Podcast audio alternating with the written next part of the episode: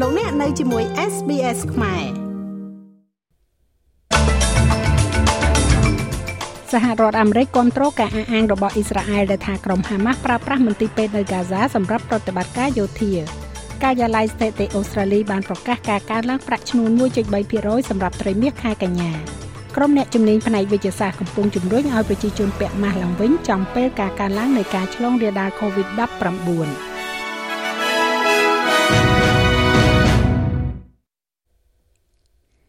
សហរដ្ឋអាមេរិកបានគ្រប់គ្រងការអះអាងរបស់អ៊ីស្រាអែលដែលថាក្រុមហាម៉ាស់កំពុងប្រើប្រាស់មន្ទីរពេទ្យនៅទីក្រុងហ្គាហ្សាសម្រាប់ប្រតិបត្តិការយោធារបស់ខ្លួន។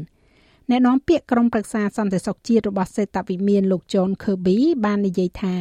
សហរដ្ឋអាមេរិកមានការស៊ើបការសម្ងាត់ដែលមិនបញ្ជាក់ច្បាស់ពីប្រភពជាច្រើនដែលបង្ហាញថាក្រុមហាម៉ាស់និងពួកសកម្មប្រយុទ្ធប៉ាឡេស្ទីនផ្សេងទៀតកំពុងប្រើប្រាស់ផ្លូវរុងក្រោមដីនៅក្រោមមន្ទីរពេទ្យដើម្បីផ្លាស់ទីអាវុធនិងលាក់ចំណាប់ខ្មាំង I can confirm for you that we have information that Hamas ខ្ញុំអាចអះអាងចំពោះអ្នកថាយើងមានព័ត៌មានដែលថាក្រុមហាម៉ាស់និងជីហាតអ៊ីស្លាមប៉ាឡេស្ទីនបានប្រើប្រាស់មន្ទីរពេទ្យមួយចំនួននៅតំបន់ Gaza Strip រួមទាំង Al-Shifa និងផ្លូវរួមក្រោមដីនៅពីក្រោមនោះដើម្បីលាក់បាំងនិងគ្រប់គ្រងប្រតិបត្តិការយោធារបស់ពួកគេនិងឃុំចំណាប់ខ្មាំងក្រុមហាម៉ាស់និងក្រុមជីហាតអ៊ីស្លាមប៉ាឡេស្ទីនសមាជិក PIJ ប្រតិបត្តិបញ្ជាការនិងទំនាក់ទំនងពីមន្ទីរពេទ្យ Al-Shifa នៅទីក្រុង Gaza ពួកគេបានរក្សាទុកអាវុធនៅទីនោះហើយពួកគេត្រៀមខ្លួនដើម្បីឆ្លើយតបទៅនឹងប្រតិបត្តិការយោធាអ៊ីស្រាអែលប្រឆាំងនឹងកន្លែងនោះនៅយប់ថ្ងៃច័ន្ទទី13ខែវិច្ឆិកាកងកម្លាំងការពារអ៊ីស្រាអែលបានបង្ហាញវីដេអូដែលគេនិយាយថាដើម្បីបង្ហាញពីរបៀបដែលក្រុមហាម៉ាស់បានប្រើប្រាស់មន្ទីរពេទ្យកុមារ Rentisi សម្រាប់ការរក្សាទុកអាវុធនិងចលនាចំណាប់ខ្មាំង ដោយបដិសេធចំពោះការអះអាងនេះក្រសួងសុខាភិបាលកាហ្សានិយាយថាខ្លួនបានអញ្ជើញអង្គការអន្តរជាតិមកស៊ើបអង្កេតនៅកន្លែងនោះ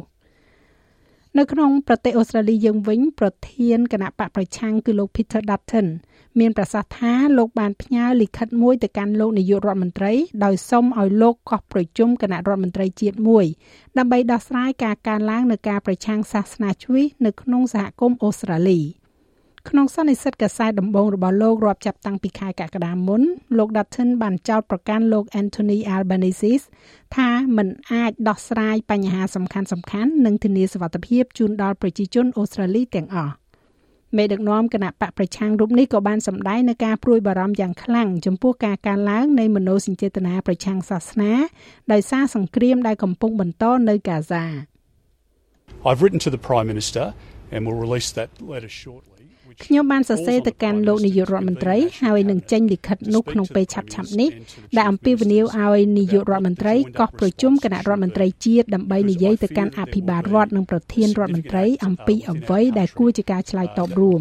ព្រោះខ្ញុំខ្លាចថានឹងមានសកម្មភាពធំដុំនៅក្នុងប្រទេសរបស់យើងដែលនឹងបង្កគ្រោះថ្នាក់ដល់ប្រជាជន ក្នុងសហគមន៍ជ្ពីឬក្នុងសហគមន៍កាន់តែទូលំទូលាយនៅពេលដែលកម្ដៅកំពុងកើនឡើងហើយលោកនាយករដ្ឋមន្ត្រីគួរតែបង្ហាញពីភាពជាអ្នកដឹកនាំដ៏រឹងមាំប្រាក់បៀវត្សរបស់បុគ្គលិកបានកត់ត្រានៅកំណើនត្រីមាសដ៏រឹងមាំបំផុតក្នុងប្រវត្តិសាស្ត្រអូស្ត្រាលីរយៈពេល26ឆ្នាំនៃសន្ទុះតម្លៃប្រាក់ឈ្នួលផ្លូវការដោយបានកើនឡើង1.3%ក្នុងរយៈពេល3ខែដល់ខែកញ្ញាក្នុងត្រីមាសខែមិថុនាសន្ទុះនេះបានកើនឡើង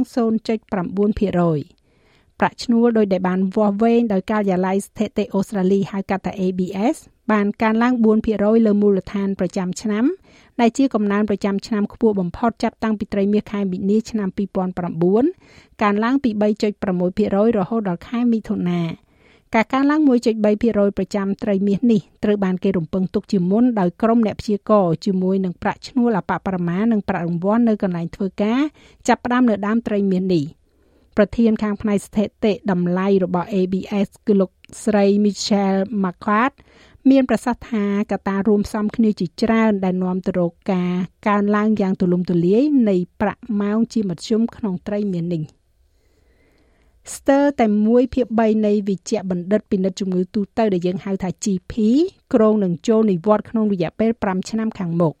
ដោយជំរុញឲ្យមានការអំពាវនាវពីស្ថាប័នជំនាញរបស់ពួកគេដើម្បីបង្កើនចំនួនវិជ្ជបណ្ឌិតនៅក្នុងសហគមន៍ មហាវិទ្យាល័យវិជ្ជាបណ្ឌិតពិនិត្យជំងឺទូទៅបានចេញផ្សាយនៅរបាយការណ៍សុខភាពប្រចាំឆ្នាំលើកទី7របស់ខ្លួន ដោយផ្ដោតទៅលើការតាក់ទងនិងការរក្សាកម្លាំងពលកម្ម GP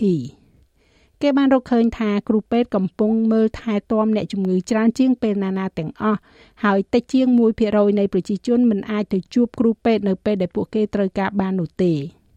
ទន្ទឹមនឹងនោះដែរពេលវេលាជាប្រជុំដែលវិជ្ជបណ្ឌិតចំណាយជាមួយនឹងអ្នកជំងឺបានកើនឡើង ទោះជាយ៉ាងណាក៏ដោយកម្លាំងការងារនេះចាំបាច់ត្រូវជំរុញដោយសារតែនិស្សិតពេទ្យតិចជាងមុនជ្រើសរើសយកវគ្គបណ្ដុះបណ្ដាល GP ហើយ GP ច្រើនទៀតចង់កាត់បន្ថយម៉ោងធ្វើការរបស់ពួកគេឬក៏ចាក់ចេញពីអាជីពនេះ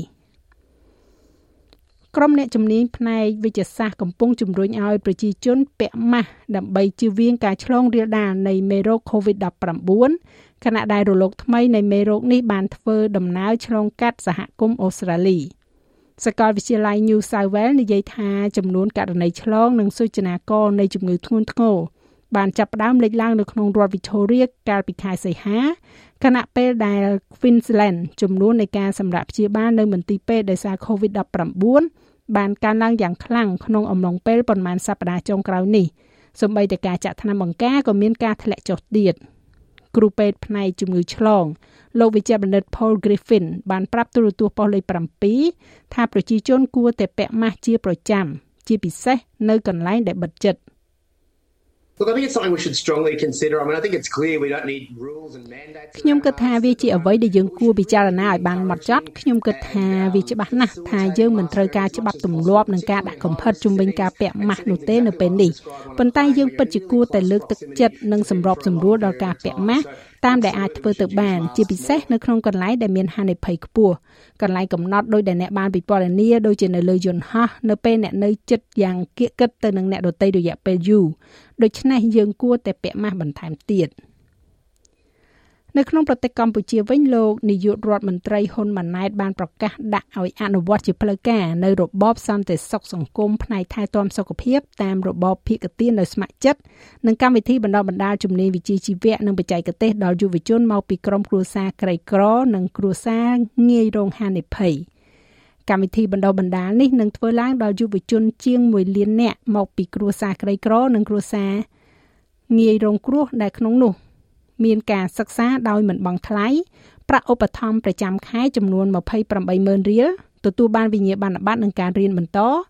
និងឱកាសប្រឹងប្រឹក្សាការងារនិងទទួលបាននូវការងារធ្វើលោកនាយករដ្ឋមន្ត្រីហ៊ុនម៉ាណែតបើយើងចំណាយពេល3ខែ6ខែមួយឆ្នាំដើម្បីទាញយកជំនាញនៅក្នុងខ្លួនរបស់យើងយើងអាចមានជំរើសច្រើនសម្រាប់អនាគត ចាស់ឲ្យលោកមេងផល្លានឹងជួនសេចក្តីរាយការណ៍លម្អិតនៅវគ្គក្រោយជាបន្តទៀតឬក៏លោកអ្នកអាចចូលស្ដាប់របាយការណ៍ពេញនៅលើគេហទំព័ររបស់យើងនោះគឺ sps.com.au/ ខ្មែរ នៅក្នុងវិស័យកីឡាបាល់ទាត់ក្រុមបាល់ទាត់បរោះអូស្ត្រាលី Socceroo ក្រុងនឹងចាប់ផ្ដើមដំណើរដ៏វែងឆ្ងាយរបស់ខ្លួនទៅកាន់ការប្រកួត FIFA World Cup 2026នៅយប់ថ្ងៃស្អែកនេះដោយការប្រកួតជាមួយនឹងប្រទេសបង់ក្លាដេសការប្រកួតនេះនឹងធ្វើឡើងនៅ Amy Park ហើយក្រុងនឹងចាប់ផ្ដើមនៅម៉ោង8យប់ម៉ោងស្តង់ដាអូស្ត្រាលីខាងកើត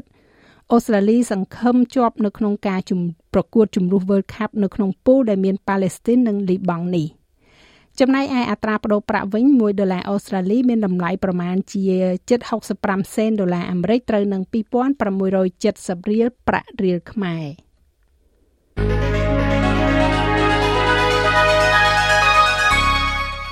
យើងក៏លេខមកមើលការព្យាករណ៍អាកាសធាតុសម្រាប់ថ្ងៃប្រហ័សស្អែកនេះវិញ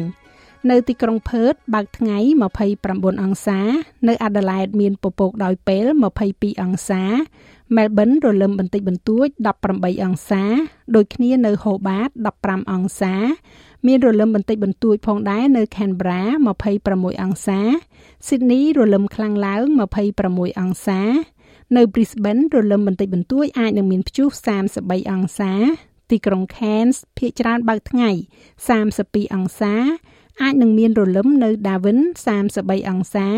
និងនៅទីក្រុងភ្នំពេញ មានផ្គររន្ទះរាយប៉ាយ32អង្សា